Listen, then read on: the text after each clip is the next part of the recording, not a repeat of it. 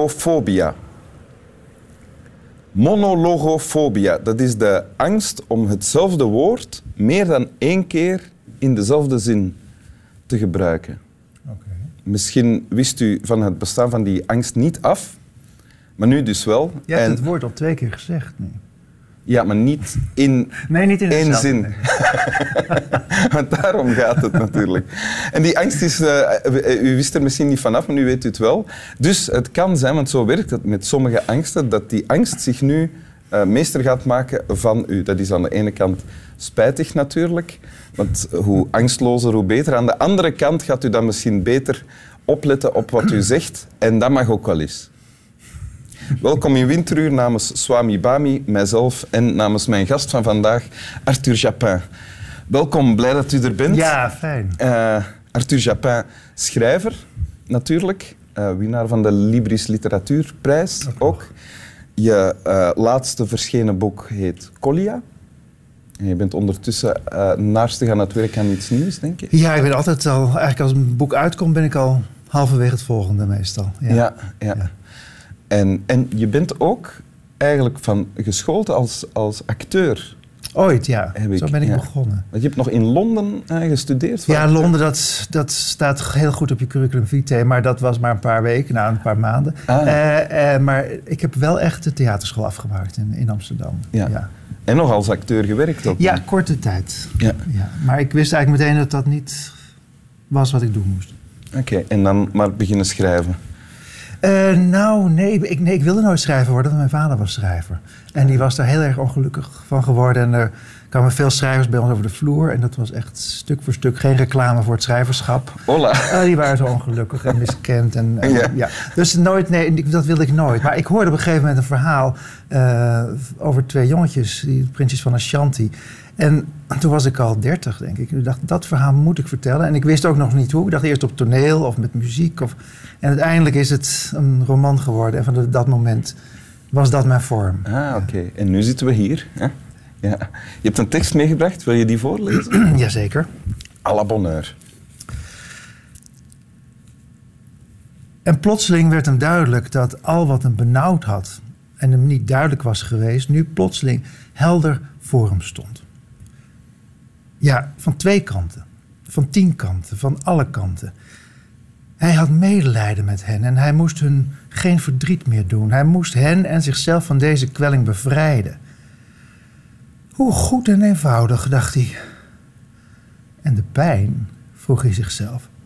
Waar moet ik die laten? Ja, waar ben je, pijn? Hij voelde aandachtig. Ah, Ja, daar is ze. Nou goed, laat het pijn doen. En de dood. Waar is de dood? Hij zocht naar zijn gewone oude doodsangst en vond hem niet. Waar is de dood? Er is geen angst meer omdat de dood er niet meer was. In plaats van de dood was er licht. Dat is het dus, zei hij plotseling hardop. Hoe heerlijk. U leest het niet gewoon voor, u, u vertelt en speelt het eigenlijk. nou nee, ik, ik probeer te voelen wat hij voelde. Ah, ja, ja. Dan, krijg, ik- dan heb ik er zelf meer plezier van. En hij is in dit geval, in dit geval Ivan Ilyich. Ja? De dood van Ivan Ilyich, van Lev Tolstoy. Daaruit komt het. En Ivan Ilyich is hier zelf aan het woord. Enfin, ja, nee, het gaat over... ja, zijn, zijn gedachten. We zitten in zijn gedachten eigenlijk. Hè. Dat is een Ja. soort eh, verteller die alles weet en, Ja. en in hem zit. En ehm, het is op het eind van zijn leven. Hij heeft eigenlijk een heel middelmatig, maar wel gelukkig bestaan. En eh, valt van een trappetje. En ineens wordt hij ziek. En ineens begrijpt hij dat hij sterfelijk is. En, eh, en dit zijn eigenlijk zijn laatste gedachten. Hij heeft die enorme doodsangst zijn hele leven. En dan is het zover. Dan denk je, oh, maar dat, waar is hij nou eigenlijk? En dat, die is weg, want zo gauw de dood er is, eh, is die angst er niet meer. En zijn er eigenlijk zelfs geen problemen meer? Ook niet tegenover de mensen die hem omringen? Nee, nee, hij heeft eigenlijk medelijden met zijn. Hij is eigenlijk blij dat hij zich kan verlossen van zijn eigen angst en aanwezigheid. Ja. Hoe kom je hierbij?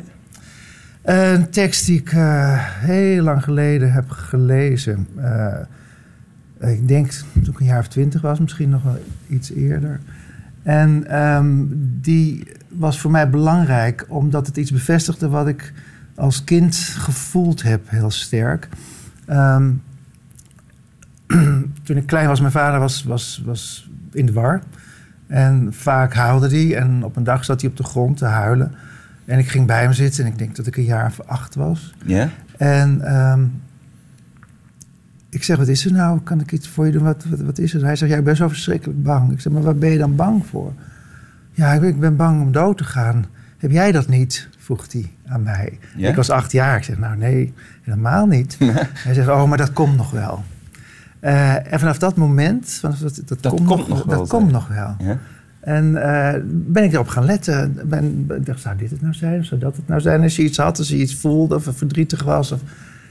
En eigenlijk misschien wel dankzij dat hij mij die vreemde vraag... of dat, dat vreemde ding zei vroeger... is het eigenlijk nog niet gekomen bij mij. Ik heb niet, zoals ik andere mensen vaak hoor... Geen, ik heb geen angst om er niet te zijn. Of eh, voor pijn natuurlijk. Om andere pijn te doen met, met, je- met je eh, verdwijnen. Ehm, maar niet voor dat moment zelf. En uiteindelijk toen ik ehm, eh, twaalf was, eh, heeft mijn vader zelfmoord gepleegd. En wij waren niet thuis. Hij heeft het gedaan toen ik met mijn moeder in Londen was. En eh, lag ook al een aantal dagen voordat hem gevonden was. En wij kregen op een gegeven moment een bericht van de consul-generaal.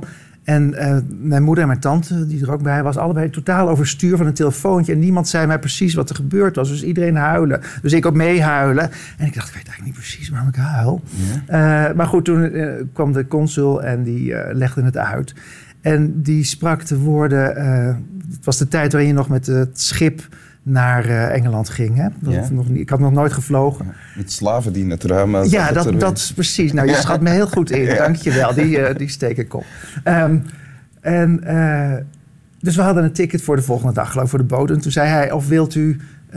of zal ik een vliegtuig voor u regelen? Ik zeg, ja, graag een vliegtuig. Ik? Ja, ja dat ik dacht, nou, dan kan ik vliegen. Dan heb ik thuis ook, eh, vooral op school, eh, heb ik een verhaal. Heb ik, ik, ik kan helemaal niet bij nadenken dat dat verhaal van mezelf, vader zelf ook een verhaal was. Maar ik wilde graag vliegen. Dus we gingen vliegen en inderdaad zo met zo'n stewardess die overal doorheen leidt en voorin zit. En toen vloog ik voor het eerst. En ehm, dat gevoel wat we nu allemaal kennen, dat je in het vliegtuig zit, dat was voor mij de eerste keer. En op die, hij gaat zo de runway op en dan gaat hij ineens zo heel snel. En je wordt in je stoel gedrukt en je denkt, oh, ik weet eigenlijk niet precies wat dit is, maar het is een beetje eng, maar ik kan er toch niks meer doen. Laat ik me overgeven aan wat er gaat gebeuren. En, ehm, en dat gevoel heb ik, heb tijdens die vlucht, zit je een half uur, eh, of toen, in die tijd nog drie uur, nee. eh, toen dacht ik, dat is wat hij moet hebben meegemaakt. Je denkt, oh, is bang om dood te gaan. Ik weet je wat, ik doe het gewoon. En of het eng, ik weet niet wat er gaat gebeuren, maar laat ik het loslaten. En dat gevoel van die vlucht heb ik altijd gekoppeld aan, aan sterven eigenlijk. Eh, waar, wat het eigenlijk helemaal niet zo heel erg eng maakt. Je denkt, ik, je hele leven ben je er bang voor. Het laten gebeuren gewoon. Ja. Gewoon laten gebeuren. Het is onvermijdelijk. Je weet het als je geboren bent. eh, nou, geboren worden moet, kan toch niet veel makkelijker zijn dan doodgaan. Eh, en eh, ja, dat moment. Dus daarmee. En eigenlijk alles vond, vond ik terug in dit verhaal. Ehm, ook een zekere angst die ik had als kind om, zoals de mensen om mij heen zag, straks te moeten sterven. Eh, zonder dat je alles gedaan hebt in het leven en alles geprobeerd hebt. Dat, Ja. dat zit ook in dit verhaal. Ja. Want hij realiseert zich eh, dat hij dat niet gedaan heeft, dat hij zijn tijd verdaan heeft. Maar vooral dat idee van, god, je bent je hele leven eigenlijk zit je aan te hikken tegen iets. eh, wat uiteindelijk, als je je er maar aan overgeeft op het moment dat dat helemaal niet zo zwaar hoeft te Het zijn. is gewoon zoals in een vliegtuig stappen en je laten leiden ja, door de en je piloot. denkt, en de nou, ik weet niet wie er aan het stuur zit, maar laat ik maar gewoon gaan. Ja. Dat is een troostgedachte. Het is natuurlijk een volstrekt luxe gedachte. Want ik eh, ben op dit moment, voor zover we weten, niet ziek. En ik hoef er niet Ja, werkelijk over na te denken. Whatever works. hè. Ja, maar het is in ieder geval een lange voorbereiding. De- Denk je dan dat ervoor. jouw vader, die, want je vader was bang om te sterven, had hij jou al veel eerder Ja, verteld. en toen hij dat gedaan had, toen, Ja. toen begreep ik natuurlijk dat hij eigenlijk bang was om te leven. Dat het andersom was. Eh, want hij heeft dat toch maar gedaan. Hetgeen waar hij het meest bang voor was, zei hij. eh, bleek toch de uitweg voor hem. Ja. Maar was hij echt bang? Ah ja, was bang om te leven. Bang Dat om niet te bestaan zijn. of zoiets. Nou, ik, nee. ik- Bang om te leven. Of het leven was niet gelopen zoals hij had gehoopt. En later, eh, dat, mijn moeder wel eens gevraagd... wanneer is het nou begonnen, die depressiviteit van mijn vader. En toen zei ze, en dat is misschien niet het verstandigste om te zeggen... maar zei ze, nou, dat was toen hij wist dat jij eraan kwam. Want hij had nooit kinderen gewild. Oh ja. En eh, dat begrijp ik wel. Ik heb ook wel een briefje van hem. En daar kan ik hem ook nog wel in volgen. Ehm, waarin hij iets schrijft van... eh, doordat ik er kwam, eh, waren alle mooie dromen. Mijn ouders waren getrouwd eh, zonder enig geld. Maar we waren naar Rome gegaan. En in de Sint-Pieter getrouwd. En dromen van een, een, een ander leven. En mijn vader, wat ik eigenlijk zelf ook wel heb... die zei, ja, ik kon dan zo... hij woonde ook in Utrecht, over de grachten lopen. En dan ben ik in een andere tijd. Dan waan ik me in de 18e eeuw. En dat ik- ging niet meer vanaf dat ging niet, want hij moest een baan hebben, want Ja, hij moest zorgen voor mij. En dat, dat staat, hij noemt mij daar niet in. Maar hij moest een gewoon burgerlijk leven gaan leiden. Ja. eh, terwijl hij eh, artistieke dromen had. Ja. En eh, dat begrijp ik eigenlijk best. Dat vind ik ook helemaal niet zo erg. Ja. Ja. Oké, wil je het nog eens voorlezen? Het ja, fragment? zeker.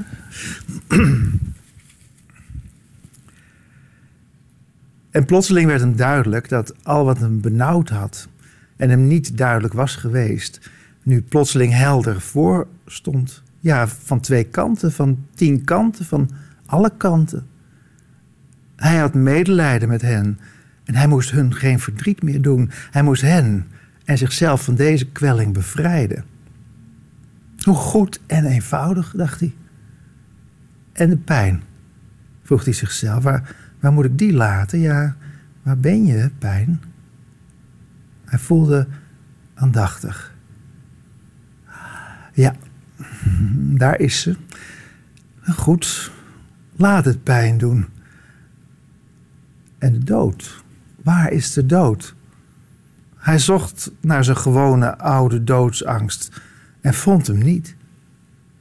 Waar is de dood? Er was geen angst meer omdat de dood er niet meer was. In plaats van de dood was er licht. Dat is het dus, zei hij plotseling hardop. Hoe heerlijk. Dank u. Slap wel. Mooi toch? Ja. Mooie opluchting. Ja.